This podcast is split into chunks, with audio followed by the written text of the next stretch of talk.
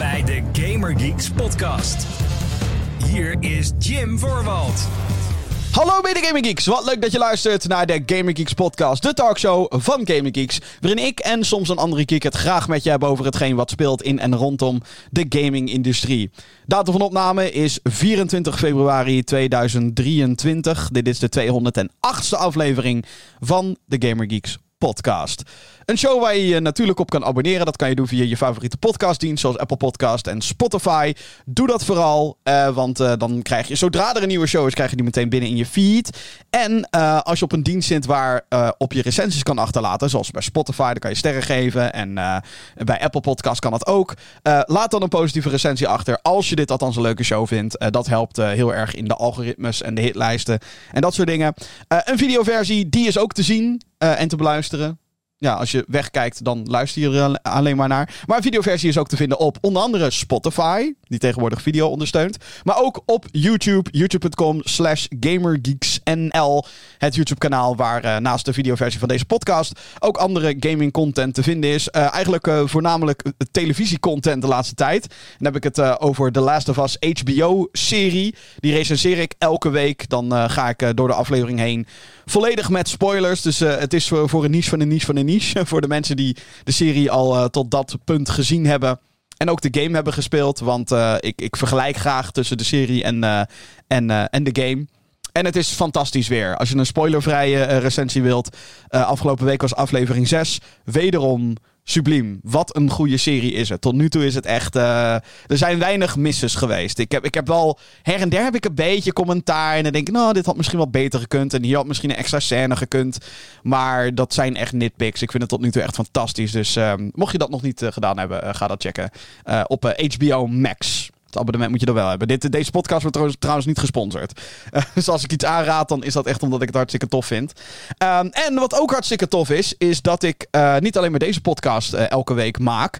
Maar dat ik afgelopen week ook te gast ben geweest in een andere podcast. Namelijk van Power Unlimited.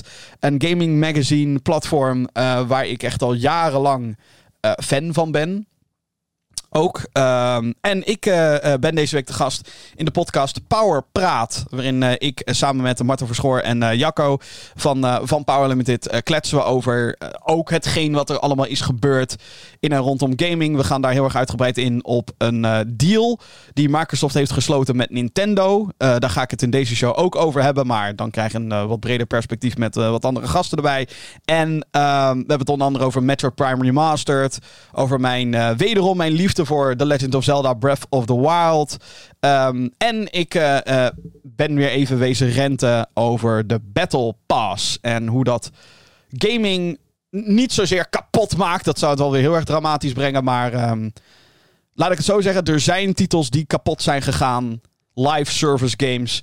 Uh, die kapot zijn gegaan aan het hele Battle Pass principe. En waarom ik me eraan erger. En waarom ik denk dat heel veel andere spelers ook tabé zeggen tegen bepaalde games. Niet omdat de game slecht is. Of omdat ze de game niet leuk vinden. Maar door de Battle Pass. Nou, hoe dat zit, check de nieuwe Powerpraat. Uh, ook wederom te vinden op uh, alle podcastdiensten, zoals een Spotify, zoals een Apple Podcast. En ook op YouTube, op het YouTube-kanaal van Power Unlimited. Dus ga dat checken. Um, nogmaals, uh, Martin, bedankt voor de uitnodiging. Ik vond het echt helemaal te gek om er, om er een keer bij te zijn. En hopelijk komt er een vervolg erop. Of althans, dat ik nog een keertje mag aanschrijven. Ik vond het althans heel erg leuk. En hopelijk jij ook. En mocht je deze podcast gevonden hebben via Powerpraat, hallo, welkom. Dit is de Gamer Geeks podcast. Uh, leuk dat je erbij bent. Uh, en ook ik hoop dat je uh, hierop gaat abonneren en dat je het gaat checken en dat soort dingen. Um, kort voordat ik um, naar het andere grote nieuws ga en de games die ik gespeeld heb, de playlist. Um, een paar korte nieuwtjes wil ik er eventjes doorheen douwen. Allereerst... Er komt een Pokémon Presents presentatie op uh, 27 februari. Dat is aanstaande maandag op het moment van opnemen dan. Um, dus de kans bestaat dat als je deze podcast hoort, dat, uh, dat, uh, dat die is geweest of dat die, uh, dat die komt. dat, dat is naar aanleiding van Pokémon Day. En verwacht wordt in ieder geval dat er een nieuwe Pokémon Mystery Dungeon onthuld gaat worden. Want daar waren wat geruchten over. En um, ik heb van Jacco van Pu Power Limited uh, vernomen dat hij uh, echt niet uh, kan wachten totdat Pokémon games op de Nintendo Switch online servers gaan komen. Aangezien daar nu Game Boy en Game Boy Advance games op te vinden zijn. En dan is Pokémon blauw, rood, geel. Zou, zou dan wel echt een banger zijn van heb ik jou daar. Dat toegegeven, ook ik ga dan gewoon weer de oude Pokémon spelen op de Nintendo Switch, de Game Boy versie. Dus 27 februari, ik hoop stiekem ook dat we wat te horen gaan krijgen van ehm, Detective Pikachu. Ik heb de 3DS-game heb ik um, nooit uitgespeeld, maar ik vond, het, ik vond het iets te traag. Maar ik vind het principe van een. En ik vond het gewoon heel cutesy en heel erg um, self-aware, die game. Um, en ik hoop dat er een vervolg komt, want ik denk dat er best wel wat potentie in zit in een Pikachu die een beetje snarky is en kan praten. En uh, dan ook maar meteen detective werk gaat doen. En dan helemaal in de wereld van Pokémon. Dat is echt wel. Uh, van wat ik me kan herinneren van de 3DS-game, vond ik het wel heel erg leuk. En ik vond de film ook leuk. Ik weet dat ik een van de weinigen ben die dat nog steeds vindt. Ik zou, die eigenlijk nog een keertje moeten kijken. Ik vond hem wel tof. Voor een merendeel. Anyway, dus dat is uh, Pokémon Presents. 27 februari. Hype, hype, hype. En, en, wellicht ook een uitbreiding trouwens voor Scarlet en Violet. Wordt ook verwacht. Uh, ander nieuws komt vanuit de hoek van 2K. Uh, afgelopen december verscheen namelijk Marvel's Midnight Suns. Dat is een, een, een, een ja, strategy RPG game met Marvel superhelden in uh, een wat duister sfeertje. Um, het schijnt echt een ontzettend goede game te zijn. Het is gemaakt door Firaxis, de studio achter onder andere XCOM. Uh, maar die game is echt keihard geflopt, uh, commercieel gezien dan. Als je kijkt naar, naar cijfers en zo die zijn uitgedeeld, dan was het allemaal prima. Maar de verkoopresultaten waren dramatisch. Althans, dat, de, de, de CEO van Take-Two, het moederbedrijf van 2K, die um, heeft het uh, wat rooskleuriger proberen in te pakken. Dat het teleurstellend was, maar ik denk gewoon dat het keihard geflopt is. Want uh, laat ik het zo zeggen, als een game uh, nog geen maand na release in de sale gaat, op bijvoorbeeld Steam, dat er al meteen 20% korting of soms zelfs 40% korting, dan, dan weet je dat er iets niet goed is. Ik zag ook bijvoorbeeld deze week zag ik Forspoken ook al in de aanbieding. Ai, dat is geen goed teken. Ai, dat betekent dat een game het uh, niet heel erg lekker uh, gedaan heeft. Maar er is uh, verder wat nieuws uitgekomen. Want er gaan een aantal mensen gaan weg bij die studio van Firaxis. Onder andere de creative director. Um, en het goede nieuws voor fans van de franchise die ik nu ga noemen. Um, is dan dat er een nieuwe Civilization in de maak is. Civilization 7 gaat hij hoogstwaarschijnlijk heten. Zo is hij dan officieel niet genoemd, maar wel het nieuwe deel in de Civilization franchise. Een uh, ground strategy game. Niet mijn cup of tea, maar um, daar zit een gigantisch grote groep mensen die dat echt honderden uren spelen. En elke keer als er een nieuwe Civilization uitkomt, 5, 6, et cetera, dan staat hij on top van de Steam charts en het aantal spelers is bizar. Terwijl je zou denken, beste niche spel, maar um, ja, als de gehele niche van een bepaald genre dat allemaal hetzelfde speelt, dan heb je alsnog een hele grote groep. En uh, dat gaat ongetwijfeld ook gebeuren met Civ 7. Civilization 7 dus in ontwikkeling. En wanneer we die kunnen verwachten, uh, nou ja, ik zou zeggen, laten we nog een paar jaar overheen gaan. En dan, uh, dan zijn we er wel. groot succes voor Hogwarts Legacy. Er is een, een, een financial, hoe noem je dat? Financial forecast geweest van Warner Brothers. En um, daarin is onder andere onthuld dat Hogwarts Legacy binnen, zijn, binnen twee weken 12 miljoen keer verkocht is. Wat een gigantisch succes is. Zeker gezien de game. Um, nou, dat was wat controverse, maar ik had al van tevoren uh, voorspeld, en ik was daar zeker niet de enige in, dat die zogeheten boycott en die controverse uh, niet heel veel zou doen tegen de verkoopcijfers. Sterker nog, ik denk dat het in sommige zinnen de verkoop hem wat versterkt heeft. Want als er controverse is, dan zijn de mensen, zelfs de mensen die dan nog nooit van die game hebben gehoord, gaan het dan toch checken en denken dan misschien, oh hé, hey, dat is gaaf. Uh, maar wat ook uh, heel knap is, is dat de game alleen op current gen is verschenen, nu nog. Dus PC, PS5, Xbox Series S en X. En uh, eh, 12 miljoen verkochte exemplaren in twee weken. Ik zag namelijk, um, laatst zag ik een comment. Ik weet niet eens of het op een video was of op een van de podcasts. Ik denk een van de podcasts was op YouTube. Um, van ja, ik ben wel blij dat ze nog uh, games releasen op de, op, de, op de oudere consoles. Dus PS4, Xbox One. Ehm, want ja, hoe gaan ze anders geld verdienen? En eh, heel veel mensen hebben die consoles nog niet. Ik denk dat met 12 miljoen verkochte exemplaren het tegendeel al een beetje bewezen is. In twee weken. En dan zou je misschien kunnen zeggen, ja, maar als ook op PS4 en Xbox One was het nog meer geweest. Laten we dat even afwachten. Laat ik het zo zeggen, de PS5 is nu gewoon verkrijgbaar. En de Xbox Series X ook. Dus als je een current-gen console wilt en je wilt de nieuwste games spelen... of je wilt games spelen op een hogere kwaliteit dan uh, wat je de afgelopen 10 jaar, bijna 10 jaar gewend bent... dan kan je het nu gewoon vinden. Het is geen... Het zou geen moeilijkheid meer moeten zijn om aan een uh, console te komen. Wat goed nieuws is voor uh, iedereen binnen gaming.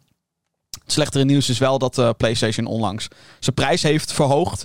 Van 500 euro voor een PlayStation 5 met disc naar 550. En het lijkt erop dat Microsoft dat ook gaat doen met de Xbox Series X. Uh, daar zijn ze in sommige regio's, volgens mij was Zweden laatst ineens een, een random land. Waar ineens de prijs een beetje omhoog werd getild. Zo heel stiekem zo, hier is de prijs een beetje omhoog. Economische crisis, het is allemaal lastig.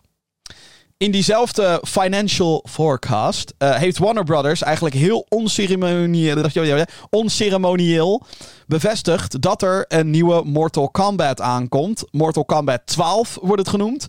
Logisch, want de vorige Mortal Kombat was 11. De. Uh, en dat die dit jaar nog uitkomt. Mortal Kombat 12. Er was geen logo, er was geen trailer, er was niks. Het was gewoon, hier is ons financiële plaatje van aankomend jaar. We hebben Suicide Squad uh, van de games. Uh, Hogwarts Legacy doet het hartstikke goed en die krijgt nog releases op andere platforms. Oh ja, en Mortal Kombat 12 komt eraan, 2023, jee. En iedereen op het internet en vooral in de fighting community be like... Wat? hey, uh, hallo. Hadden we niet like een vette announcement trailer kunnen krijgen of zo? Wel benieuwd naar, want uh, ik vond Mortal Kombat 11 best wel heel erg vermakelijk. Klinkt, klinkt heel twijfelachtig als ik dat op die manier zeg, maar ik vond het, uh, ik vond het gaaf. Vooral, ik vind vooral de story mode die tegenwoordig in Mortal Kombat zit, vind ik heel cool. Daar begonnen ze een beetje mee met Mortal Kombat 9. Het, was de Mortal, het heette gewoon Mortal Kombat, maar door de fanbase is het omgedoopt tot 9 op de PS3 en Xbox 360. En uh, vervolgens hebben ze dat doorgezet in Mortal Kombat X en Mortal Kombat 11. Dus uh, kom maar door. Het wordt een mooi jaar voor fighting games. Met uh, onder andere dus een nieuwe Mortal Kombat en een nieuwe Street Fighter die in de zomer gaat uitkomen. Ik verwacht overigens dat Mortal Kombat in het najaar gaat komen. Ik denk dat dat een oktober, november game is. Dat, anders hadden we die game al lang aangekondigd zien worden als hij echt in juni. Ik denk ook niet dat ze per se willen concurreren met uh, Street Fighter. Want waarom zou je elkaar in de weg gaan zitten? Dus dat, een nieuwe Mortal Kombat komt eraan, jongens. Spannend! De playlist. Oké, okay, dan wil ik het met je hebben over de games die ik afgelopen week gespeeld heb. En voordat, voordat ik ga beginnen. Het spijt me, vergeef me. Ik kan het anders toch niet zeggen.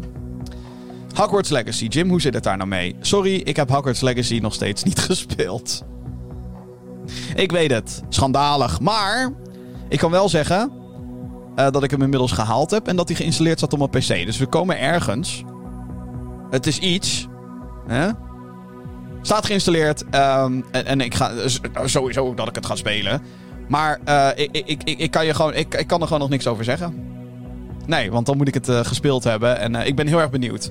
Ik, ben, ik, ik, verheug me heel erg op het moment dat ik zoiets heb van... Oké, ja, nu ga ik het opstarten nu heb ik er echt gewoon zin in. Nu ga ik helemaal in die. Uh, in Zwijnstein ga ik, uh, ga ik duiken. Zin aan. Maar wat heb ik dan wel gespeeld de afgelopen week? Nou, ik ben aan de slag gegaan met twee games. En eentje uh, is een nieuwe release. Eentje waar ik me ook, ook op heb verheugd. Ook een leuke game. En um, daar heb je waarschijnlijk ook wat een en ander over, over gehoord. Zeker als je ook deze podcast elke aflevering in de gaten houdt. Ik heb Atomic Heart heb ik gespeeld. Dit is een first-person shooter die door, uh, die door uh, uh, Mantfish is gemaakt. Een team wat zijn origine vindt in Rusland. Daar was nogal wat, wat controverse over, want deze game zou direct de Russische overheid steunen. Sterker nog, de Oekraïense overheid die heeft opgeroepen tot een ehm, ja, tot een boycott. En uh, nou ja, niet zozeer tot een boycott, maar die heeft uh, aan console uh, fabrikanten gevraagd van... Hey, willen jullie deze game niet op je platform publiceren? Want ja, het steunt de Russische overheid direct. Ik weet niet of dat per se zo is. Um, het is namelijk zo dat Mantfish, de studio, is, heeft een aantal investeerders. En um, volgens mij zijn er een aantal daarvan die via via kunnen leiden naar de Russische overheid. Ehm, en ik denk ook dat dat een beetje onvermijdelijk is als je uit Rusland komt. Dat dat soort dingen, ja, dat dat soort dingen gaande zijn. Daarnaast ehm, zijn er ook mensen die dan vinden: deze game moet je niet spelen, want het is Russisch en hoe durf je? Ehm, en ook omdat Mantfish nooit openbaar heeft gezegd: uh, Rusland en uh, wij steunen Oekraïne. Uh, daarover heb ik de vorige week al in de podcast gezegd. Dat kunnen zij waarschijnlijk niet. Want op het moment dat ze dat gaan doen, dan, komt Poetin achter je aan. Dus ik, uh, ik, ik, denk dat we sommige dingen een beetje met een, uh, een vleugje nuance is wel, um, gepast.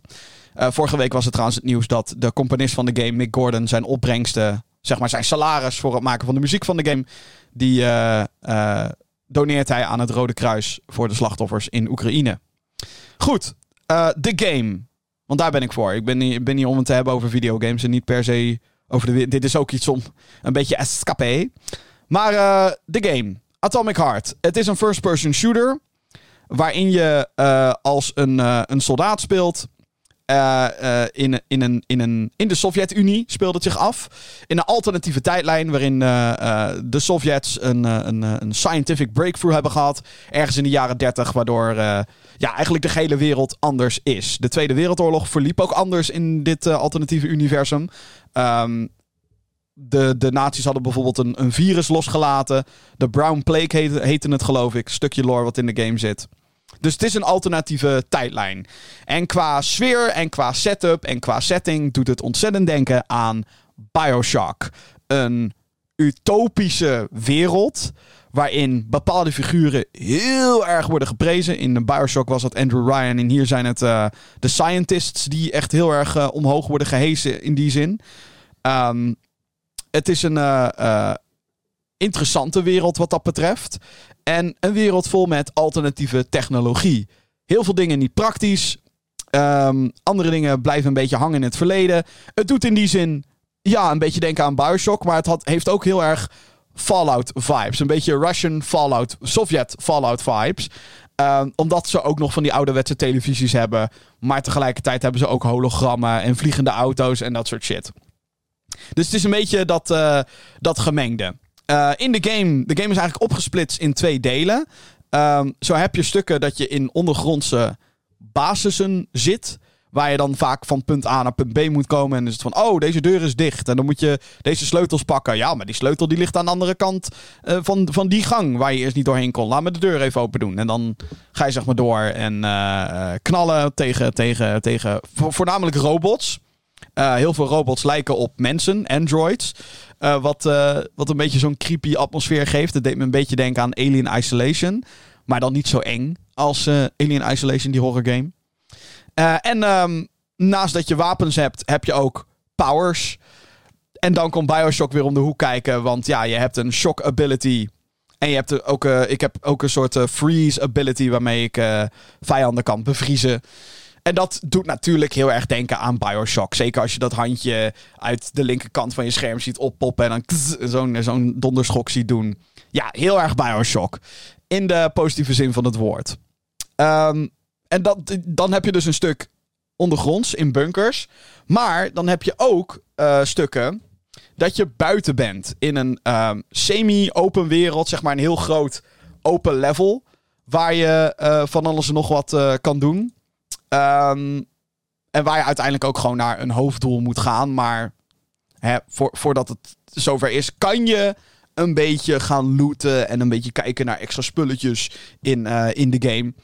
En uh, dat is ook wat je wilt doen, want er is een uitgebreid upgrade systeem waarbij je wapens kan upgraden en je kan je abilities upgraden. Je kan je plasmids, zo noem ik ze even dan, uh, upgraden. Uh, je kan health upgraden en dat soort basisdingen. Maar daar moet je wel de materialen voor hebben. En dus is het hartstikke de moeite waard om in die open world stukken um, ja, te, te gaan rondneuzen overal. Maar dan moet je wel voorzichtig zijn, want als de robots je zien, dan gaat er een alarm af en dan komen er nog meer robots op je af. En, oh, uh, en soms wil je ook gewoon vechten hoor, omdat ja, enemies laten ook materialen achter. Dus dat is ook handig. Um, dus dat is een, een, een ruwe omschrijving van wat de game is. Het gaat heel erg om de atmosfeer. Het gaat heel erg om, uh, om uh, uh, lichte RPG-elementen. Ook daar lijkt het een beetje op Fallout. Um, Maar dan wat, wat iets lineairder. Nou, iets veel, veel lineairder. Dus wat vind ik van de game? Dit is wat ik heel lastig vind. Want ten eerste, de game ziet er heel erg mooi uit. Het is echt een hele mooie game. De, de, de stilo, de art direction is wat mij betreft echt on point. Het is een hele vreemde wereld. Het is een bizarre wereld. Echt elke kamer kan weer een volledig andere setting of sfeer neerzetten. Wat ik heel interessant vind. Um, ja, wat ik al zei, de open wereld geeft me echt Fallout vibes. Met, met alles is verlaten, iedereen is dood en er zijn alleen maar robots. Doe me nog het meeste denken aan Fallout 76, maar dan veel mooier en veel beter. Ik bedoel, don't get me wrong, Fallout 76 is uh, shit. Um, maar die sfeer heeft het een beetje. Dus het heeft zijn momenten dat het echt super vet is.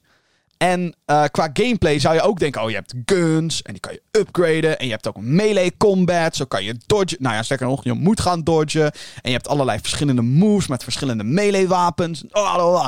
Klinkt allemaal super vet. Dat is wat Atomic Heart heeft. Het heeft alle goede ideeën. Alle ideeën in deze game zijn bekend goed. Waar het een beetje op stuk loopt. En stuk lopen is een te hard woord, denk ik. Maar wat er een beetje mankeert, is de executie. Um, de gunplay voelt bijvoorbeeld net niet lekker. Um, bij de, de melee combat voelt eigenlijk wel heel erg goed. Maar daar heb ik vaak zoiets van de cues van de enemies. Die komen niet echt overeen met wanneer ze gaan aanvallen. En hoe overdreven ze altijd naar je duiken. Als in een robot kan heel langzaam op je aflopen. Maar zodra hij een aanval doet, doet hij ineens een fucking Jedi dash. Dat je denkt, oké, hoe dan? Maar whatever. Uh, dat is gewoon hoe die, hoe die vijanden dan werken, I guess. Um, het level design, ja, weet je, oh ja, een beetje interactie met het gebied soms. En een beetje hele lichte puzzels soms. En minigames om bijvoorbeeld uh, uh, deuren te openen. Maar het is ook allemaal net niet. Het is, het, het, het is een soort. Het is alsof je in een prachtig huis terechtkomt. waarbij elke schilderij twee centimeter scheef hangt. en dat dan net die ene lamp knippert. Oh ja, ja, ja alles is schoon, behalve dan net dat ene vlekje her en der. Dat is hoe Atomic Heart een beetje aanvoelt. Het is, um, het is allemaal net niet. En ik denk waar, waar de game het meeste... Uh, wat er het slechtste gedaan is, is denk ik het verhaal. Um, want het verhaal is in theorie dus heel vet. Een, een alternatief Sovjet-Unie met gekke science fiction shit, art deco gemengd met Bioshock, gemengd met Fallout. Nou ja, echt meng de meest vreemde dingen door elkaar. En de kans is dat het in Atomic Heart aanwezig is. Het is alleen dat jouw hoofdpersonage is echt een fucking eikel. Dus een, uh, ik heb net een scène gehad dat je uh, een trein naar een trein moet. En je moet, die, je moet met die trein moet je naar een ander gebied heen. En jouw personage is zich heel erg bewust dat hij in een wereld leeft waarin robots zijn. En robots hebben een programmering die ze moeten volgen. Uh, en alles is naar de kloot in die open wereld. Hè. Iedereen is dood. Um, en hij zegt: Ja, ik, heb een uh, ik moet een treinticket van je hebben als deze trein gaat uh, vertrekken. En het hoofdpersonage, in plaats van dat hij zoiets heeft van: Oh ja, de, weet je al, deze robot volgt gewoon zijn programmering. En als die robot kapot maakt, dat wordt je personage ook nog eens duidelijk gemaakt. als je die robot nu kapot zou slaan, dan zou die trein nooit meer kunnen vertrekken. Omdat het die robot nodig heeft. Um, dus je moet een ticket gaan vinden. En in plaats van dat je denkt: oké, um, daar ga ik dan. Ik ga een treinticket zoeken. Nee, in plaats daarvan wordt jouw personage gaat ragen als een idioot. Gaat ineens, you fucking tin, fucking, fucking, fucking, how dare you, fucking, helemaal like alles kapot schelden. Zelfs ik ben milder in mijn taalgebruik dan die guy tegen deze robot. Terwijl ik denk, gast, denk logisch na als een robot zegt je moet een treinticket hebben, dan volgt die robot puur en alleen zijn eigen programmering. Dan kan je wel gaan schelden en, en hij gedurende de hele conversatie doet deze guy, want je hebt uh, uh, keuzes in gesprekken, maar welke je ook kiest, deze guy wordt boos op deze robot. Het is zo'n raar personage die je hebt. Uh, it doesn't make any sense hoe hij reageert op de situatie om hem heen. Voor iemand die zogenaamd bekend is met deze wereld. Kijk, weet je, als, als jij en ik nu ineens in de wereld van Atomic Heart gepleurd zouden worden, dan zouden we wel zoiets hebben van, serieus, deze robot wil een treinticket van mij hebben? Like, what the fuck, bro? Heb je gezien wat er om je heen gebeurt? Maar deze guy past in deze wereld. Dus hij zou enigszins moeten weten hoe deze robots fungeren. En ook dan, ja, gewoon de, de, de anger die deze gast heeft. En kijk, weet je, ik, ik, ik vind het normaal nooit zo erg als een personage oprecht boos wordt op een, op een, op een robot of zo. Maar dit is echt fucking overdreven. Het slaat helemaal nergens op. En dat haalt je heel erg uit de game. Ehm, het is heel interessant, want de meeste. Dit is waarom trouwens de meeste hoofdpersonages in videogames redelijk stereotyp of um, niet zeggend zijn. Soms letterlijk, niks zeggen. Um, want dan kan je alsnog met ze relaten. je, je kan je identificeren met ze. Maar deze gast reageert overal gewoon boos op.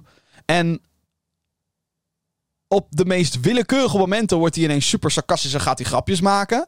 Je hebt ook een AI-assistant, die zit in je handschoen. Uh, maar zodra die AI-assistant iets snarkies zegt, dan is het van... Shut your fucking mouth. En denk ik, gast. Doe rustig aan, joh. Holy shit. Het is... Uh, uh, dat is heel raar. En ik ben bang dat dat de rest van de game een, een probleem gaat zijn. Ik zit nu. Nou, hoeveel uur zou ik gespeeld hebben? Vier tot vijf uur of zo zit ik nu. Dus ik zit denk ik rond de 20% van het spel. Ik heb gehoord dat je 20 uur erover doet om de game uit te spelen. Nou, mij kennende, zeker als er open stukken zijn waarbij dingen te looten vallen. Nou, ik ga elk deurtje checken. Ja, ik ga elke kist checken die er is. Want ik wil upgrades. Um, dus ik denk dat ik er nog een eh, paar extra uur bij kan tellen. Maar uh, ja, wat dat betreft wordt het wel heel pijnlijk. Dus um, als je deze game wil gaan spelen, het is, uh, hij is nu verkrijgbaar voor PC en Xbox. En is op Game Pass trouwens te vinden. zowel op PC als op Xbox. Mocht je deze game willen gaan checken, um, ja, ga er dan wel in met een open mind en verwacht, verwacht Bioshock-achtige sfeertjes. Verwacht Fallout-achtige elementen en, en, en de sfeer en de wereld. Uh, achtig dus, niet exact. Maar verwacht wel um, de B-versie daarvan. en dat klinkt heel erg beledigend, maar het is niet. Um, het had allemaal veel beter kunnen zijn. En dat is al op basis van de eerste aantal uur. Uiteraard ga ik doorspelen, want de game heeft wel mijn nieuwsgierigheid te pakken. Het is wel dat ik denk, oh, ik, uh, hè, ik wil al die upgrades halen. Ik wil weten wat er nou gebeurt. Ik denk dat ik al weet wat de zogeheten grote plot twist gaat zijn in deze game. Um, want dat heeft te maken met je personage. Ik heb al zo'n vermoeden wat er, wat er gaat gebeuren. Maar dat ga ik niet zeggen, want spoilers. Um, maar um, ja, het, de game heeft heel veel. De game heeft wel wat. Maar struikelt een beetje een beetje. Soms valt het gewoon een beetje op zijn mel. En dat is heel jammer. Uh, maar ik ga hem wel doorspelen. Dus verdere impressies uh, krijg je zeker nog in, uh, in deze show. Als ik eenmaal wat verder ben gekomen met Atomic Heart dus. Verkrijgbaar op PC en Xbox dus. Een andere game die ik heb gespeeld is ook verkrijgbaar op PC en Xbox. En dit is eentje die ik ehm, ook heel graag wilde spelen. Zeker gezien de positieve reacties.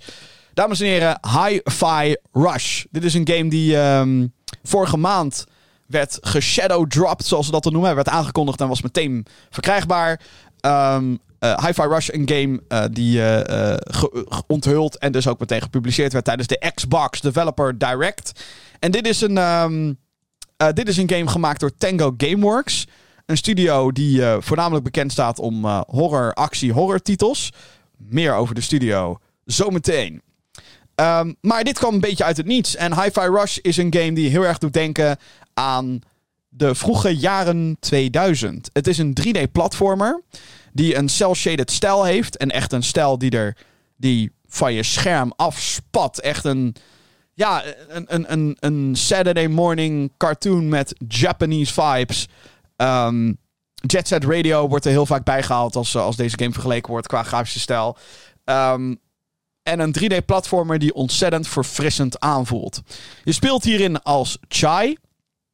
En uh, nou, zit in een uh, uh, futuristische wereld. En schrijft zich in voor een robotprogramma. Hij heeft namelijk een arm die niet goed functioneert. En hij droomt er altijd van om een rockster te zijn. Heeft altijd de muziek in zijn oren. En terwijl die ehm, ja, geborgd wordt, zou ik bijna willen zeggen. ehm, gaat er iets mis, want zijn MP3-speler komt op de een of andere manier op zijn borst terecht terwijl zijn robottransformatie gaande is. En dus uh, wordt dat ding gewoon in zijn lichaam geïntegreerd. Um, en hij krijgt zijn robotarm. Dat maakt hem een zogeheten defect. En dus wordt hij gezocht door deze foundation, door dit bedrijf. Um, hij is een defect. En dat geeft hem krachten, namelijk the power of music. Wat het in dit geval inhoudt, is dat hij continu het ritme van de muziek hoort. En hoe meer dingen hij op het ritme van de muziek doet, hoe sterker zijn kracht is. En dat is het grote gameplay-element die uh, in deze game uh, uh, aanwezig is. Dus de hele tijd hoor je muziek. Dit is geen game die je zeg maar kan spelen terwijl je met mensen aan het kletsen bent op Discord. Of je kan heel goed multitasken. Maar dit is een game waarbij je de audio verplicht aan moet hebben. Uh, want continu speelt de muziek. En op het ritme van de muziek moet je aanvallen uh, doen. De hele wereld beweegt mee op het ritme van de muziek. Dus uh, bepaalde platforms gaan op en neer op het ritme. bepaalde schakelaars gaan af en aan op het ritme van de muziek. Vijanden bewegen op het ritme van de muziek. En jij moet ontwijken en aanvallen op het ritme van de muziek. En dit is iets wat niet nieuw is per se. Um, het is wat vaker gedaan, maar heel vaak zijn dat dan games waar dan net het een en ander niet helemaal klopt. Uh, en dat is ook in Hi-Fi Rush zo. De platforming is niet al te sterk. Sommige vijanden zijn heel erg irritant om tegen te vechten. Um, er is een combo systeem in de game. Dat je bijvoorbeeld, uh, weet ik veel, X, X, X en Y doet. Uh, en als je die combo dan voltooid hebt, dan wordt die combo afgemaakt met een sterke aanval. Die je dan wederom op het ritme van de muziek moet doen. Het probleem die ik heel vaak uh, heb met de game tot dusver. En ik heb nog maar een paar uur gespeeld. Het is ook geen hele lange game, schijnt. Ik moet hem nog uitspelen. Um, maar het probleem waar, waar ik nu heel erg last van heb, is dat de hele game, de combat van de game althans, is echt gebouwd op dat je die combo's kan doen. Alleen krijg je in bepaalde confrontaties amper de tijd om zo'n combo uit te voeren. Want het duurt best lang voordat Chai die aanval oplaadt. En dat je dan nogmaals op, een, op het ritme van de beat nog een keer een knop moet indrukken. Dat geeft vijanden veel te veel tijd om aan te vallen. En dan wordt van jou verwacht dat als je de hoogste punten wil halen. Want hoe meer punten, hoe meer, uh, hoe meer gears je krijgt. En met gears kan je dan ook weer upgrades halen. Um, en krijg je een hogere rating. Dus het, je wordt ook soort van voor lul gezet als je totaal niet op een ritme kan vechten. En als je er heel lang over doet om een gevecht af te maken. Um, maar ja, ik merkte in ieder geval zeker in het tweede level dat je amper de tijd krijgt om combo's goed af te maken. En dat maakt het dan frustrerend. Want dan denk ik, ja, uh, waarom heb je dan zo'n heel combo systeem in de game zitten? Waarom heb ik dan al mijn punten uitgegeven naar allerlei nieuwe combo attacks? Als ik er geen, en, geen eentje mag uh, afmaken. Nee? Dat is jammer. Maar goed, um, dat is eigenlijk mijn grootste nitpick tot nu toe. Want dit is een. Dit is een game die ouderwets leuk is. Het is een no-nonsense, typisch. Laat ik het zo zeggen. Je zou bijna denken dat, dat dit een remaster is van een PlayStation 2 game. Maar dan op alle positieve aspecten. Het ziet er veel mooier uit dan een PS2 game. Want de animaties en alles wat rondbeweegt in de wereld. Dat, een PlayStation 2 zou smelten als ze dit waarschijnlijk in uh, 4 bij 3 zouden proberen te doen. Um, maar het heeft heel erg die vibes van zo'n ouderwetse Jet Set Radio-achtige platformer. En I fucking love it. Zeker omdat ik ben een muziekliefhebber. Ja, elke zaterdag en zondag kan je me horen op Kink. Tussen 12 en 3 uur s middags met Kink Energy. En um, ja, de soundtrack is ook al fantastisch. De game opent bijvoorbeeld met de Black Keys. En de eerste boss fight is op muziek van Nine Inch Nails. Nou ja, dat, dat zijn wel echt twee, twee artiesten. Daar word, ik, daar word ik heel vrolijk van. En zeker als ze op zo'n hele natuurlijke manier worden geïmplementeerd in de game. I love it. Dus um, er is heel veel positiefs te zeggen over Hi-Fi Rush. Het feit dat het zichzelf niet zo heel serieus neemt. De personages zijn leuk. Er zijn meerdere uh, uh, characters in de game. Heel erg cartoony. Um, maar dat maakt het dan juist weer heel erg vermakelijk. Het is, um, het is zo'n typische onschuldige game. Maar zo ontzettend goed in elkaar gezet. En zo fijn. En um, ja, wat, wat dat betreft vind ik het uh, echt heel erg leuk. Een ander nadeeltje die ik nog kan noemen. En dit is iets uh, dat als je de game. Zeker als je de game wil spelen. Moet je even letten op het volgende. Want het eerste level is fucking irritant.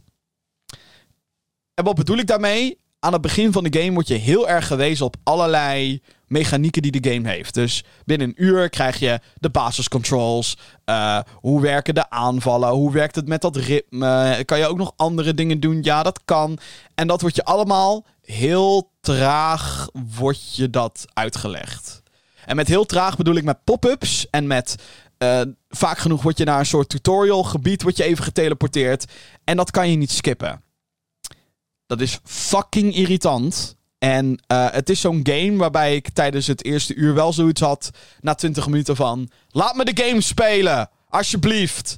Gewoon, laat, me, laat me gewoon de game spelen. Uh, dat het dan net iets te veel tutorials, net iets te veel dat ik denk, span nou maar gewoon een paar vijanden en laat nou maar gewoon een pop-upje zien. Al, al, al, aldoende leert men. En dat is ook vaak met games zo. En helaas valt Hi-Fi Rush een beetje in het begin op zijn gat, omdat hij denkt dat hij alles 10k uit moet leggen.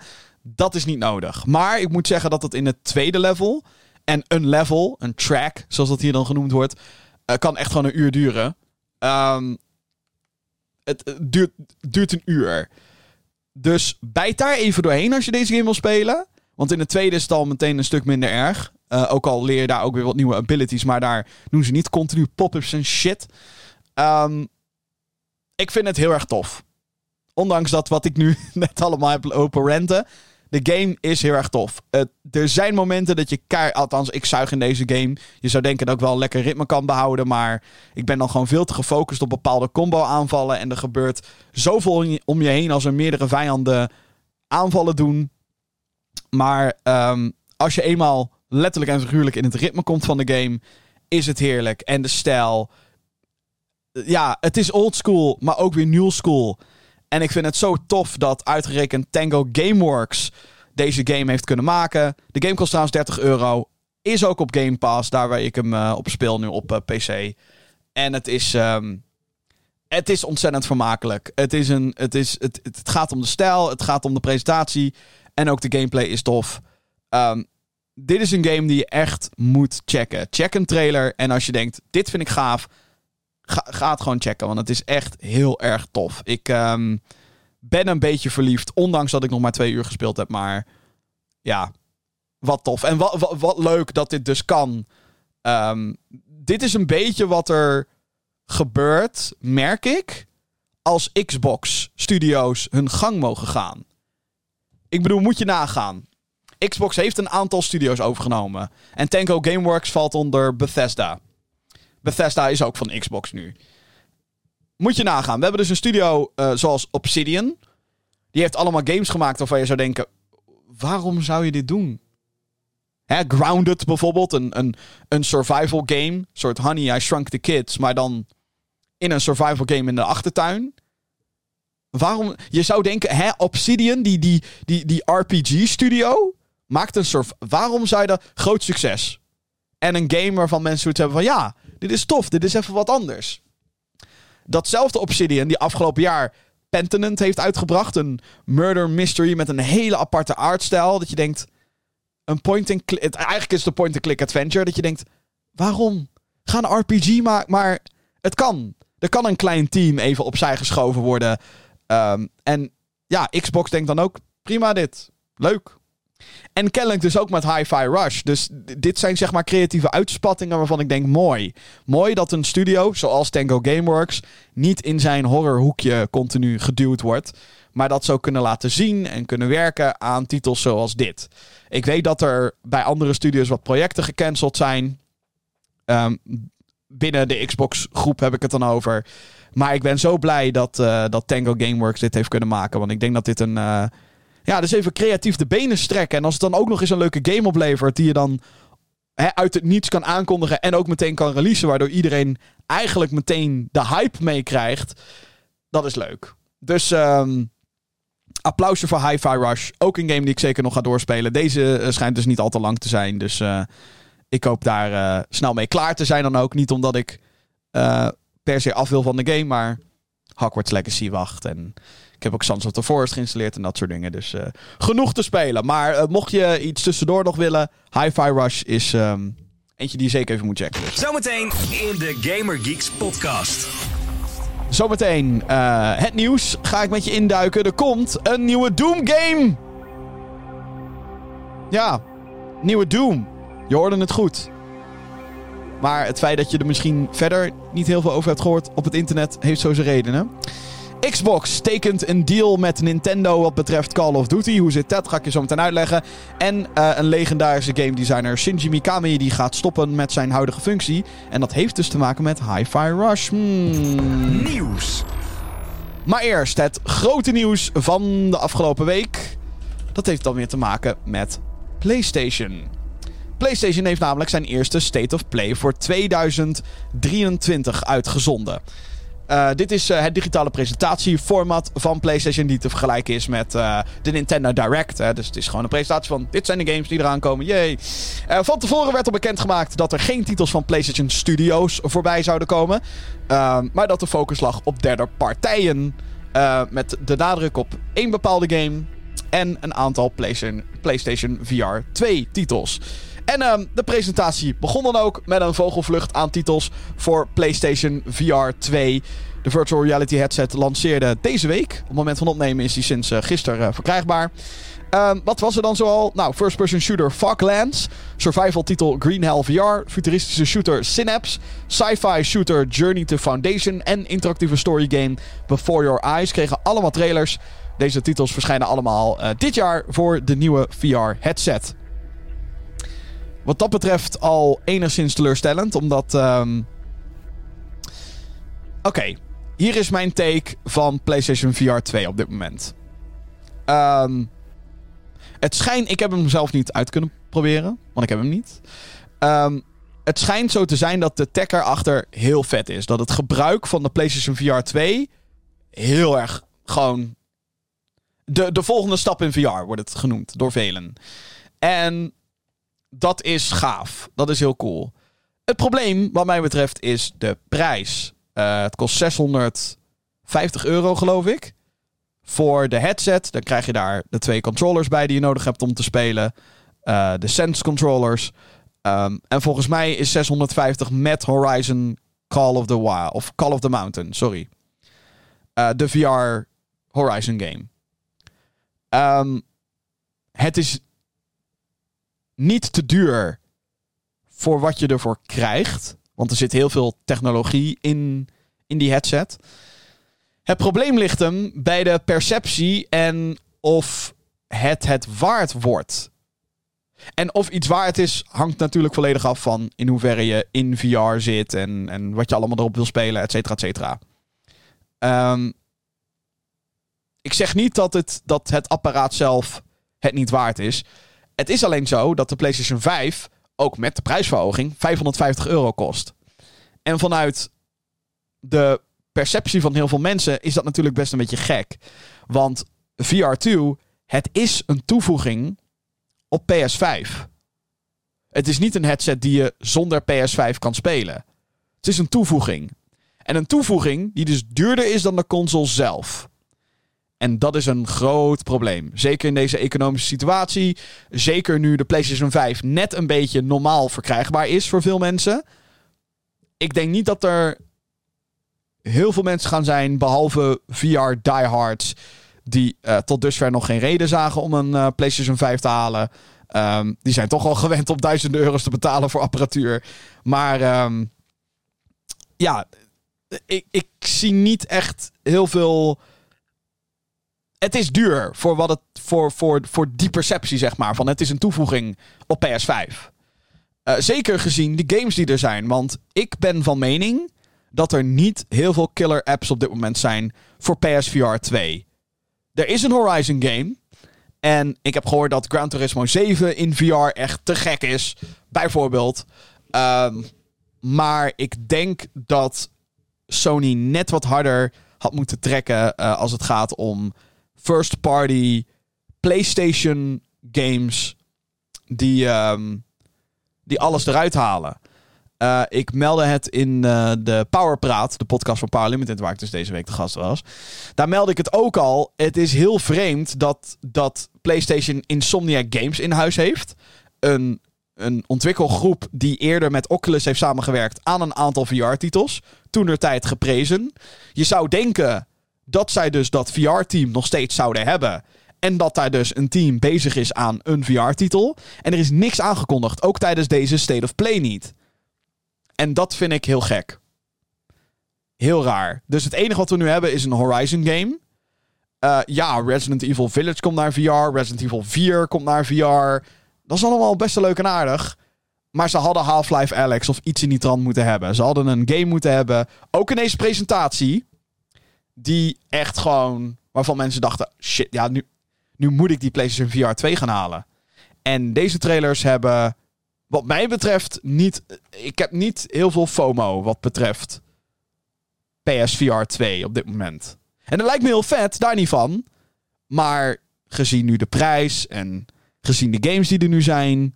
Ja, het zijn heel veel geupgrade games van PSVR 1. En nou is daar aan zich niks mis mee, want heel veel ontwikkelaars bieden uh, een gratis upgrade aan. Uh, After the Fall is bijvoorbeeld een, uh, een, zo'n voorbeeld. Dat is een co-op shooter die, uh, die al beschikbaar was voor PSVR 1. Maar die kan je dus gratis upgraden naar de PSVR 2 versie. Nou, dat is tof. En ook al is dat heel erg leuk en cool. Het is een game die er al was. Hoe lullig dat ook klinkt. En ik denk dat als Sony wil dat dit slaagt, dan hadden ze er echt nu al wat meer kracht hadden ze erachter moeten zetten. En ik ben heel sceptisch over de toekomst van PSVR 2. En dat komt vooral door de timing. En ik weet het, Sony kan er niks aan doen dat de wereld nu in een economische crisis zit. Ze kunnen er ook, vind ik, niet heel veel aan doen dat de PSVR 2 unit daarom zo duur is. Want, en ik zeg duur hè, relatief tot een, een casual PlayStation gamer. Um, ja, het, is een lastige situatie. Gewoon lastig. En um, ja, ik, eh, wat ik al zei, ik ben sceptisch. Oké, verder was er nog meer. Sorry, in de presentatie. Uh, Breath of the Wild-achtige game Tchia heeft een, een datum. 21 maart komt hij uit voor PS4 en PS5. De titel zal beschikbaar worden voor abonnees van PlayStation Plus Extra en Premium. En daarover gesproken, PlayStation Plus. De games voor PlayStation Plus Essential voor maart werden onthuld. Dus dit zijn de quote-unquote gratis games die je krijgt als je geabonneerd bent. Uh, dit zijn JRPG Code Vein, hack-and-slash RPG Minecraft Dungeons en multiplayer first-person shooter Battlefield 2042. Dus die kan je uh, volgende maand, of nou volgende maand over uh, een week ongeveer, uh, ja, nee, een week. Iets meer dan een week. Kan je die dus uh, downloaden als je, of toevoegen aan je bibliotheek als je lid bent van PlayStation Plus Essential. Uh, maar er was meer. Rainbow Six Extraction, Immortals Phoenix Rising, Uncharted Legacy of Thieves Collection en Ghostwire Tokyo worden toegevoegd aan de extra en premium tiers. Naast dus Tchia aankomende maand op PlayStation Plus. Maar die laatste aantal games gaan dus over de hogere tiers. Dan uh, de studio achter Tetris Effect. Die komt met puzzelgame Humanity. Dit was wel een, uh, een opvallende presentatie, was dit. Uh, hierin speel je namelijk als een hond. Uh, die een gigantische groep mensen uh, begeleidt door abstracte levels. Spelers kunnen zelf ook levels maken, delen en downloaden. De game verschijnt in mei voor PlayStation 4 en Play PlayStation 5. En het biedt ook ondersteuning voor oh, sorry. uh, en de game biedt ook ondersteuning voor PlayStation VR 1 en 2. Interessant.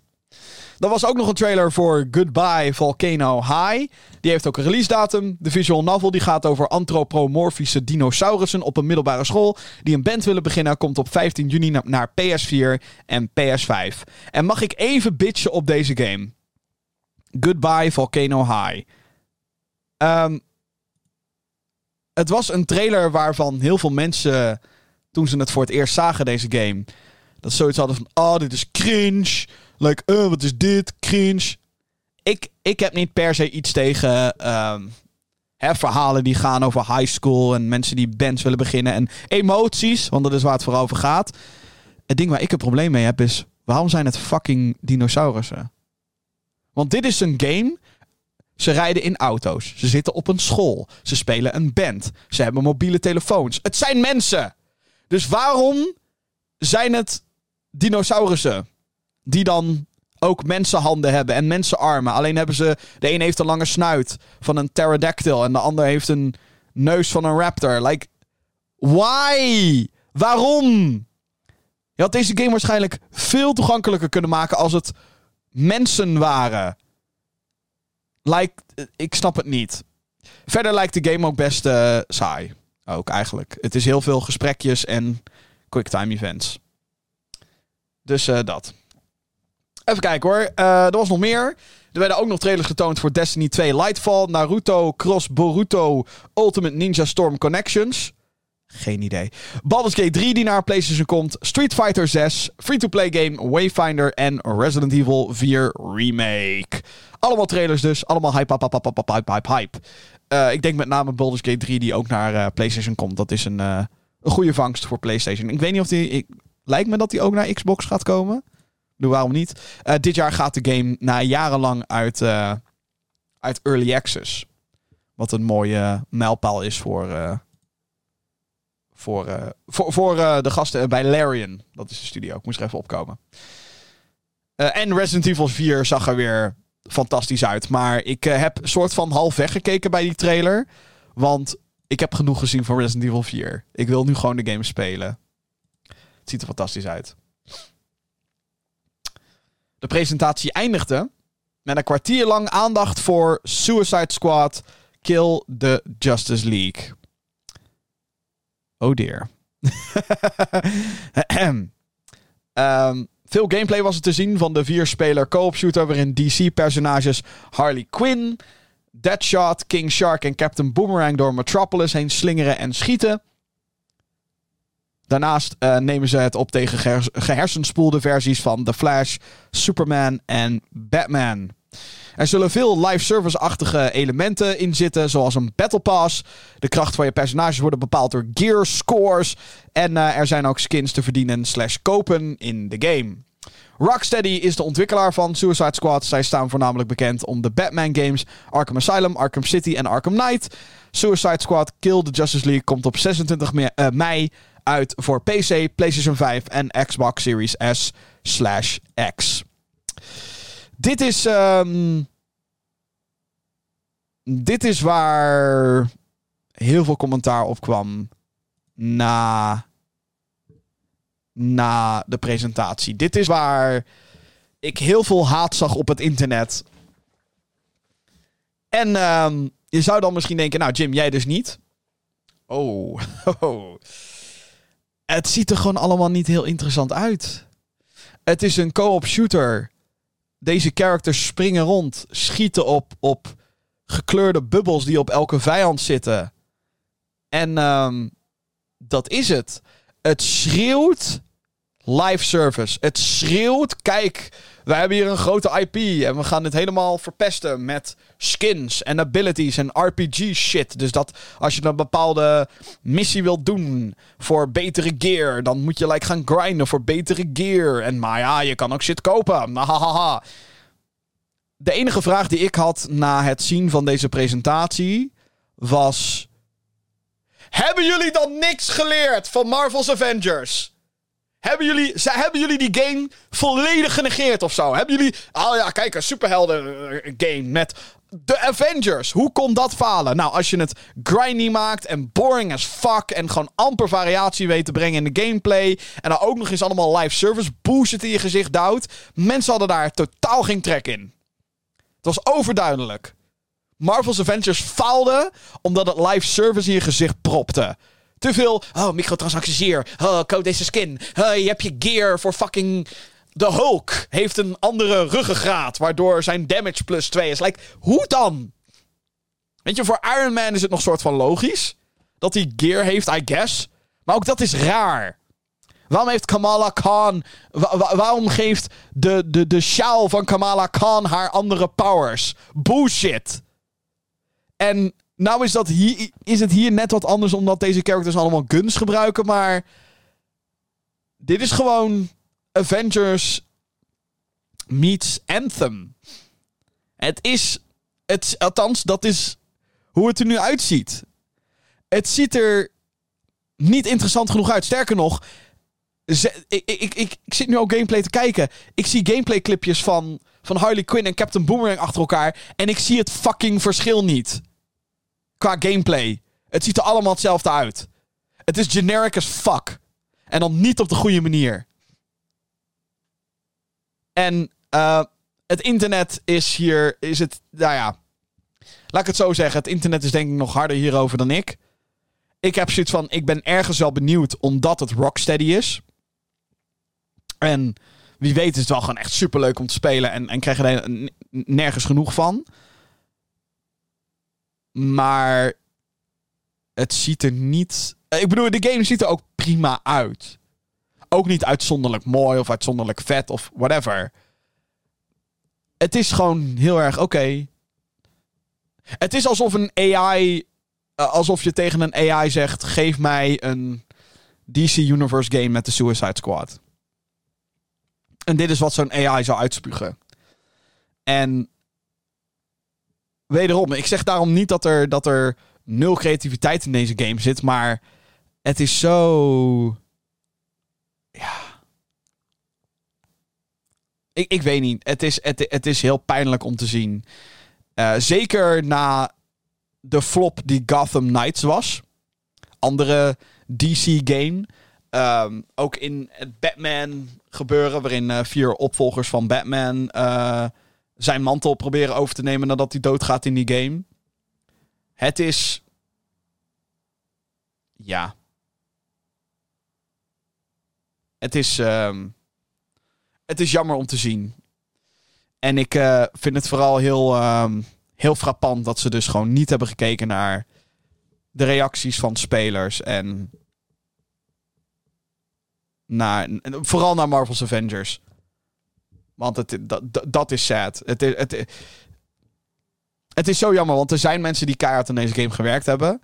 En ik weet ook dat er waarschijnlijk mensen gaan zijn die dit hartstikke leuk gaan vinden. Want ook Marvel's Avengers had zijn fans, geloof het of niet. Um, maar ik denk dat deze game echt een dood is opgeschreven. En dan kwam er daarna ook nog eens het nieuws. Waar mensen ook pissig om, om zijn. En terecht ook, by the way. Dat ook al wil je de game singleplayer spelen. Er zit een singleplayer optie in. Je moet online zijn. Voor de singleplayer. En tuurlijk, bijna iedereen is tegenwoordig verbonden met het internet. Blablabla. Maar het is natuurlijk wel bullshit. Het is bullshit. En dat heeft dus te maken met het feit dat het een live service is. En dat het een fucking Battle Pass heeft. En Battle. Ik bedoel. Ik ben er heilig van overtuigd dat er heel veel multiplayer games op dit moment doodgaan. Door de Battle Pass. Door alle FOMO shit die je gezicht gedouwd wordt. En oh, je moet zoveel uur spelen, want dan krijg je tier 100. Hè? Je hebt 10 euro betaald voor deze Battle Pass. Maar je krijgt eigenlijk pas de beloning als je ook nog eens urenlang aan deze game gaat zitten grinden. Hartstikke leuk voor je. Waaah. Denk je echt dat mensen staan te trappelen om een Battle Pass in Suicide Squad te gaan doen? Hoe moet je dat doen? Continu dezelfde missies gaan uitspelen? Daar lijkt het wel op. Ik bedoel, de gameplay die er nu al is. Er is nu een presentatie van een kwartier geweest. En daarin ziet alles er al hetzelfde uit. Hoe gaat het dan zijn met een Battle Pass van honderden uren? En waarom? En dit is wat mij altijd het meeste blijft verbazen van dit soort projecten. Is er nou niemand bij zo'n studio, bij zo'n uitgeversgroep, die dan naar die game kijkt en dan denkt: um, waar is de variatie en gaat dit wel leuk blijven, guys? Hmm. Frustrerend. Suicide Squad. Kill the Justice League. Kill deze franchise maar. Want het wordt heel pijnlijk, denk ik. En dat is zonde, want het is niet alsof ik Rocksteady graag naar de kloten wil zien gaan. Sterker, ik denk dat er heel veel potentie is in een Suicide Squad game. Maar dan moet je wel gebruik maken van alle uh, unieke attributen die alle superhelden, of in dit geval supervillains, hebben. En dat is ook een beetje het probleem met characters als Captain Boomerang en Harley Quinn. Ik bedoel, en Deadshot. Deadshot kan goed richten. Oké.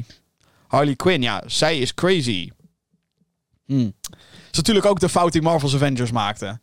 maakte amper gebruik van het feit dat ze fucking Iron Man en de Hulk hadden in die game. En Spider-Man op een gegeven moment. Dus genoeg frustratie wat dat betreft. Uh, volgende nieuwtje dan. Uh, ik moet er wat sneller door. Ik ben gewoon al bijna aan het uur, joh. Jeetje, Mina. Uh, legendarisch game designer Shinji Mikami. Die vertrekt namelijk bij zijn studio Tango Gameworks. Zoals afgelopen week bevestigd uh, door onder andere uitgever Bethesda. Mikami werkte sinds de jaren 90 bij Capcom, waar hij onder andere designer was van een aantal Disney games. Waaronder Aladdin, de Super Nintendo versie, Who Framed Roger Rabbit en Goof Troop. In uh, 1996 drukte hij zijn stempel op het survival horror genre als regisseur van Resident Evil, het origineel. Daarna bleef hij producer van de uh, vervolgen en regisseerde de eerste Dino Crisis. Na een aantal games was hij wederom nauw betrokken bij Resident Evil, waar hij als regisseur en schrijver diende voor het vierde hoofddeel, die volgende ma maand dus een remake krijgt. Daar is hij dan weer niet bij betrokken. Na de projecten Godhand en Vanquish richtte hij zijn eigen studio Tango Gameworks op. Deze werd een aantal maanden na de oprichting overgenomen door Bethesda. En Bethesda werd dan later weer overgenomen door Xbox. Maar dat staat hij even los van. Uh, de studio, Tango Gameworks, die maakte The Evil Within, The Evil Within 2, het vorig jaar verschenen Ghostwire Tokyo en het onlangs verschenen Hi-Fi Rush, waar ik het net over heb gehad. Wat de 57-jarige uh, Mikami nu gaat doen, is nog niet bekend, maar hij gaat dus wel weg van Tango Gameworks. En dat uh, is jammer. Um, ik denk niet dat het heel veel gevolgen gaat hebben voor de games die Tango Gameworks gaat maken. Um, ik vond The Evil Within vet. The Evil Within 2 heb ik eigenlijk te weinig gespeeld om daar een oordeel over te vellen. Ik vond Ghostwire Tokyo heel tof. Uh, zij het met wat um, aantekeningen her en der. Uh, er is een review van op uh, youtube.com slash gaminggeeksnl. en Hi-Fi Rush vind ik tot nu toe dus ook heel erg leuk. Dus het is een hele creatieve studio. En ik denk ook dat ze dat kunnen zijn zonder Shinji Mikami. Dus wat dat betreft komt het goed. Het zou me niks verbazen als Mikami terugkeert naar Capcom. Aangezien Capcom de laatste tijd wel echt weer gewoon ja, heel veel brute dingen doet. Ze hebben natuurlijk al Resident Evil 4 geremaked. En 2 hebben ze geremaked. En dan allemaal remakes. Um, maar het zou me niet verbazen als ze hem bijvoorbeeld terughalen voor bijvoorbeeld Resident Evil 9. Zou kunnen. Alhoewel die denk ik al lang in ontwikkeling is.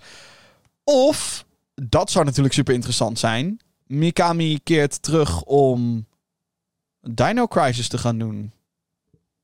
Want ja, Capcom en de remakes en dan een Dino Crisis. Er zou potentie in kunnen zitten. Of hij gaat gewoon compleet iets anders doen. Geen idee. Hij gaat bij een ander bedrijf aan de slag. Zou ook heel goed kunnen. Ik weet het niet. Maar Shinji, uh, Shinji Mikami dus weg bij, uh, bij Tango Gameworks. Gaat het gevolg hebben? Ja, ik denk dus dat uh, dat effect dus wel uh, minimaal gaat zijn. Dus val, valt allemaal mee. Dan was er deze week groot nieuws voor fans van het first-person shooter genre. Er is een nieuwe game in de Doom franchise aangekondigd. Oh mijn god. Oh mijn god.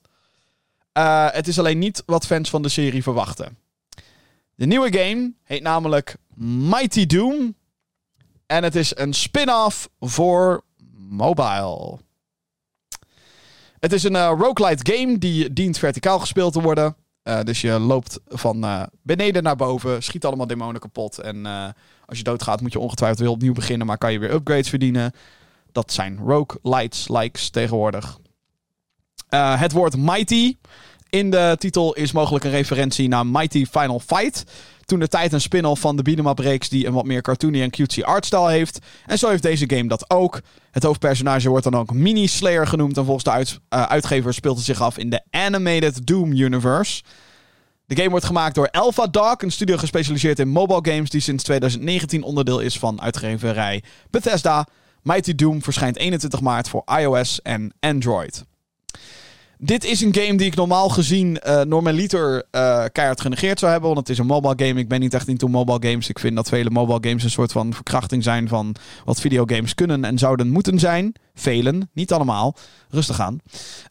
Um, en dit is wederom zo'n voorbeeld. Ik ben groot fan van Doom. En um, er zijn andere Doom mobile games verschenen. Zoals uh, ports van de Doom games op mobile. Um, er waren Doom RPG games op uh, mobiele telefoons. Dan hebben we het echt over het Java-tijdperk. Dus echt pff, voor, voor de iPhone, zeg maar. Smartphones waren nog niet echt een ding. Ehm, dus lang geleden. En ik kan me ook nog herinneren dat er voor iPhone wel een Unreal's Doom 3 shooter uitkwam, geloof ik. Dan moest je zeg maar tappen om demonen te schieten. Maar dat was dan grafisch heel indrukwekkend. Want het had uh, gedownscalede Doom 3 assets. Wat toen heel indrukwekkend was. Ehm, ja, dit zijn games die kunnen we echt gestolen worden. En ik vind het bijna jammer dat ze de Doom-licentie hieraan uitlenen. Om te zeggen, ja, maak maar een cutesy roguelike RPG. Want kijk, de Doomslayer. Hij is nu mini Doomslayer. Is dat niet fucking grappig? maak dan... Maak dan gewoon een, een... Maak dan echt gewoon een hele vette Doom mobile game, weet je wel? Waarom kan het niet gewoon in de stijl zijn van The Universe? Waarom kan het geen mobile toevoeging zijn op hetgeen wat Doom is? Waarom moet het nou weer mini-slayer? Waarom moet het... Oh, we gaan cutesy doen, want dat is breed toegankelijk. Waarom wil je een breed... Dit is wat ik niet snap. Oké, dus...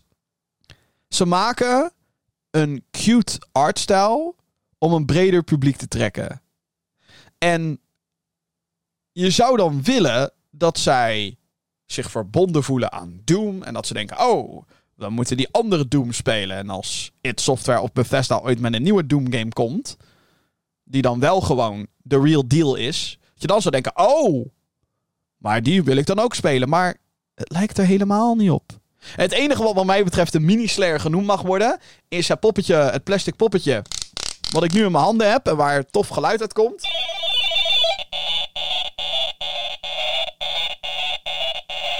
Ja, dit is ook corny, dit is ook cheesy, dit komt uit dat poppetje. En het, is gebaseerd op een collectible uit Doom 2016. Dat was ook corny, maar dat past een soort van in die game. Dit is echt uh, lame. Hou op met shitty mobile games. Voor hetzelfde geld wordt het heel erg leuk en ben ik straks verslaafd aan mijn telefoon. Maar dat lijkt me heel sterk.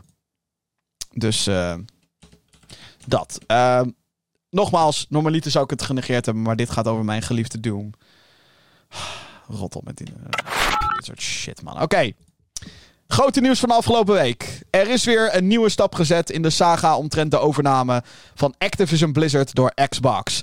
Een jaar geleden kondigde Microsoft, die als gamingdivisie Xbox heeft, aan dat ze Activision Blizzard en al die studios en franchises over willen nemen voor bijna 69 miljard dollar.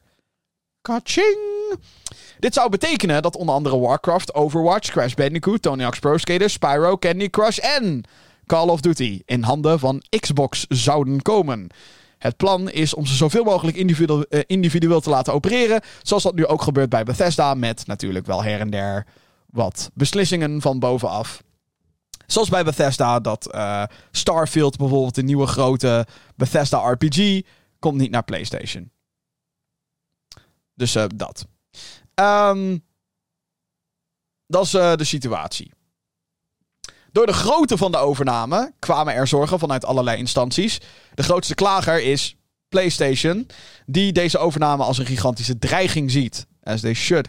Sindsdien zijn er allerlei uh, waakhonden van verschillende overheden bij betrokken en gaat de discussie nog steeds voort om deze overname wel of niet goed te keuren. Dus de ene, ene overheid zegt dan ja, de andere commissie die adviseert dan weer tegen. En zo gaat het nu een beetje heen en weer met heel veel ja, soort van modder gooien naar elkaar toe. Xbox die zoiets heeft van, ja, PlayStation die is zelf ook van de, uh, de, de exclusive, dus ze moeten niet zeuren. En PlayStation die dan weer zegt, ja, maar als Call of Duty verdwijnt, dan, dan is dat dan monopolie en blablabla het is, toch al, uh, het is nogal ingewikkeld en dit duurt dus al een jaar.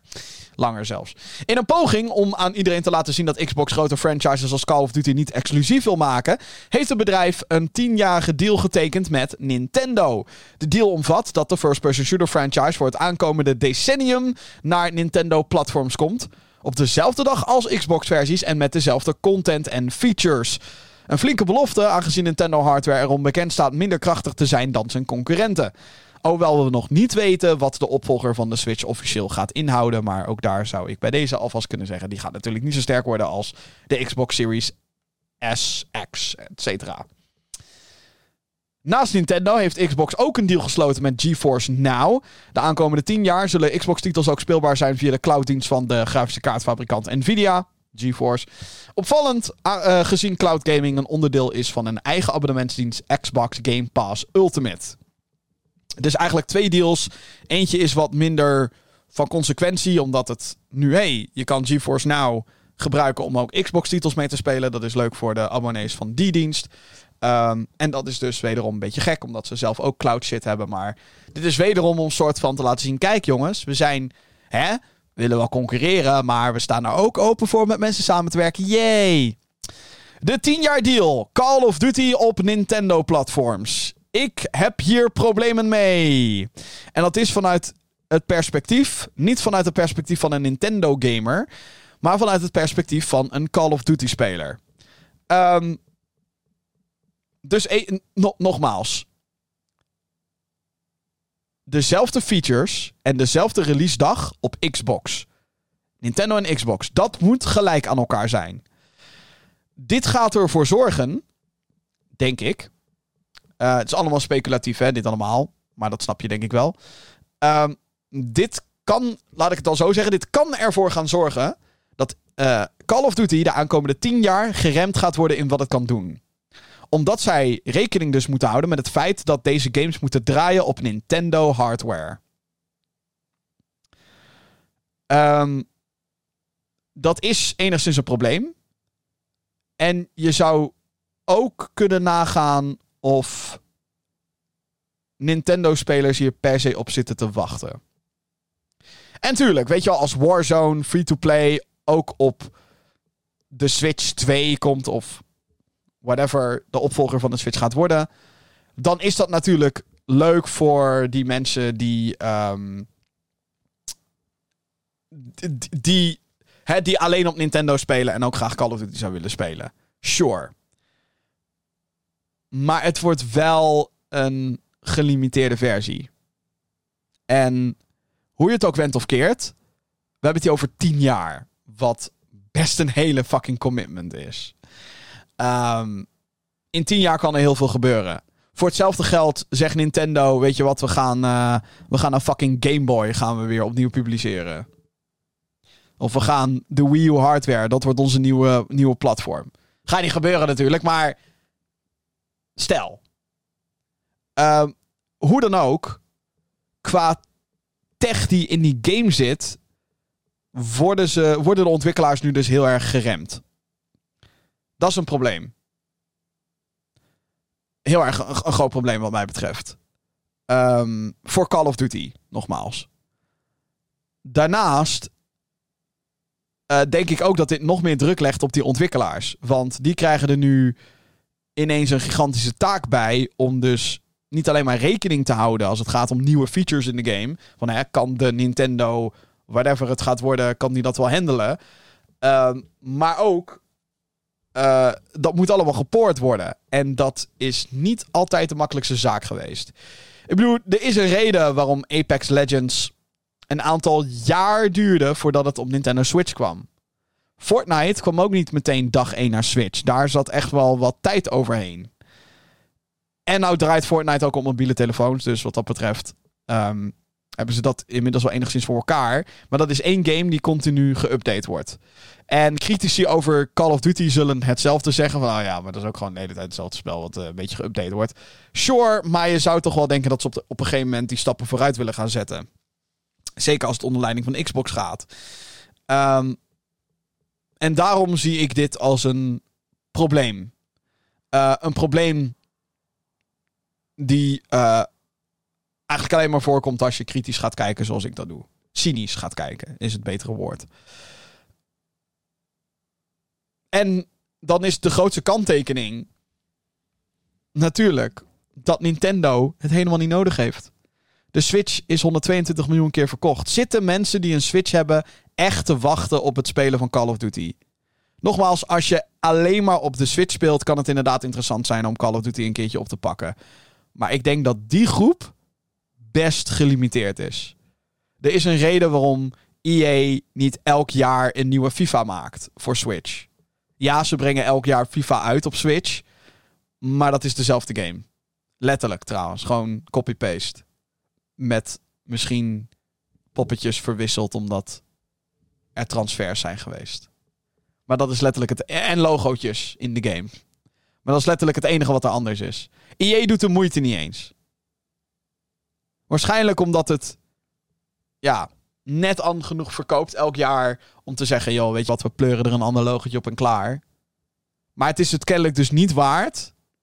om elk jaar een nieuwe FIFA te maken voor Switch. Specifiek. Want dat is het probleem. Je moet inmiddels specifiek voor die hardware moet je een game gaan maken. Ehm, dus ik vraag me heel erg af hoe dit gaat worden straks. En ehm, ik zie het uh, wat dat betreft, uh, daar kijk ik er heel cynisch naar. De, de makkelijkste oplossing zou natuurlijk kunnen zijn: oh ja, stream het gewoon via de cloud, want dat is wat nu ook al gebeurt. Ik mag toch hopen dat ze niet die route opgaan. Het kan. Uh, zeker als je het hebt over continu online moeten zijn voor bijvoorbeeld Warzone en, en multiplayer. Dus wat dat betreft zou het enigszins wel kunnen. Maar ja, dat zou wel echt de easy way out zijn. En het lijkt me ook niet dat Nintendo per se wilt dat alles maar via de cloud gaat. Dus dat is een situatie om in de gaten te houden. Het is iets wat al eerder. Um, althans, Microsoft had al eerder gezegd: joh, wij willen Call of Duty de komende tien jaar naar Switch brengen en willen een deal met ze tekenen. Die deal is nu getekend. En ik denk dat Nintendo gewoon een. Uh, die heeft zoiets van: weet je wat, prima. Doe lekker wat je wil. We hebben je niet nodig. En uh, wij gaan. Na die tien jaar zullen ze ook zeker niet smeken dat Call of Duty terugkomt naar. Uh, naar welk Nintendo-platform dan ook. Want nogmaals, ze hebben het niet nodig. En um, ik heb ook zoiets van: of je moet het goed doen of je moet het niet doen. En. Um, het, feit dat je misschien een game kan porten naar Switch of naar een opvolger, betekent niet dat je het ook moet doen. Hè, The Witcher 3 Wild Hunt op Switch. Ja, het is indrukwekkend. En cool. Maar zou je het op die manier willen spelen? Nee.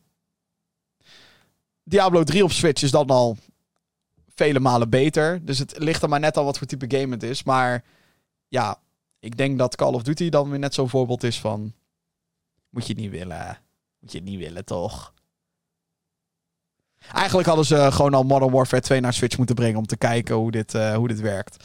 En dat vind ik wel opvallend. Dus, um... En dit is natuurlijk ook vanuit Xbox, hè. Dit is, dit is niet vanuit Activision Blizzard. Dit is gewoon Xbox die zegt, ja, we gaan shit naar, naar, naar Nintendo brengen, want... En ondertussen is er nog steeds geen deal getekend met PlayStation, want die weigeren. En hoe langer dit geruzie doorgaat, hoe groter ook de kans is dat... Uh dat PlayStation straks geen Call of Duty krijgt. Alhoewel het waarschijnlijk wel een voorwaarde gaat zijn voor de overname om uh, door te gaan. Uh, Xbox heeft het trouwens wel aangeboden. Hè? Sowieso 10 jaar Call of Duty op uh, PlayStation. en PlayStation heeft daarop gezegd: ga weg. willen we wel, maar we willen Call of Duty voor altijd. En dat is iets wat je natuurlijk gewoon echt niet kan beloven als Xbox zijnde. Blijft een vreemde situatie. wordt ongetwijfeld nog vervolgd. Want de deal met Activision Blizzard is nog steeds niet rond. En uh, gaat ook nog wel even duren als dat uh, rondgaat of uh, rondkomt. ik denk dat Xbox. als dat Xbox lag, was die deal vorig jaar al gewoon helemaal afgerond. En waren ze nu eigenaar. PlayStation heeft daar best wel al wat roet in het eten gegooid. En um, gaat nog even duren. Ik denk, nu zou het voor Xbox ideaal zijn als ze voor juni al een. Um, in ieder geval dat ze zicht hebben op het eind van de deal. Zodat, uh, zodat ze op uh, E3, waar ze officieel niet zijn, maar dat ze rond de zomer allemaal aankondigingen kunnen gaan doen. Kijk, deze Blizzard games komen naar Game Pass. En deze Activision games komen naar Game, komen naar Game Pass. Haha. En dat soort dingen allemaal. Maar dan moeten we allemaal afwachten. En uh, daarmee uh, zijn we, uh, gaan we richting uh, het einde van deze aflevering van de podcast. Als je in de tussentijd zoiets hebt van... hey, ik heb ook wat te melden. Heb jij een vraag voor de show? Nou. Mail naar podcast.gamergeeks.nl Dat is dat, het mailadres waar je al je commentaar, vragen, dan wel klachten kwijt kan. En dan wil ik jou heel erg bedanken voor het luisteren naar deze aflevering van de Gamer Geeks podcast. zoals je weet kan je abonneren op deze show via je favoriete podcastdienst. check de YouTube, youtube.com slash GamerGeeksNL. Waarnaast een videoversie van deze podcast ook andere gaming content te vinden is. Check ook vooral dus Powerpraat van Power Limited, waar ik deze week te gast ben geweest. Om te praten over onder andere de Call of Duty Nintendo deal. En uh, ja, dan hoop ik dat je er de volgende keer gewoon weer bij bent. Ja. Dit was de 208e aflevering van de Gaming Geeks podcast. Hartstikke bedankt voor het luisteren en heel graag tot een volgende keer.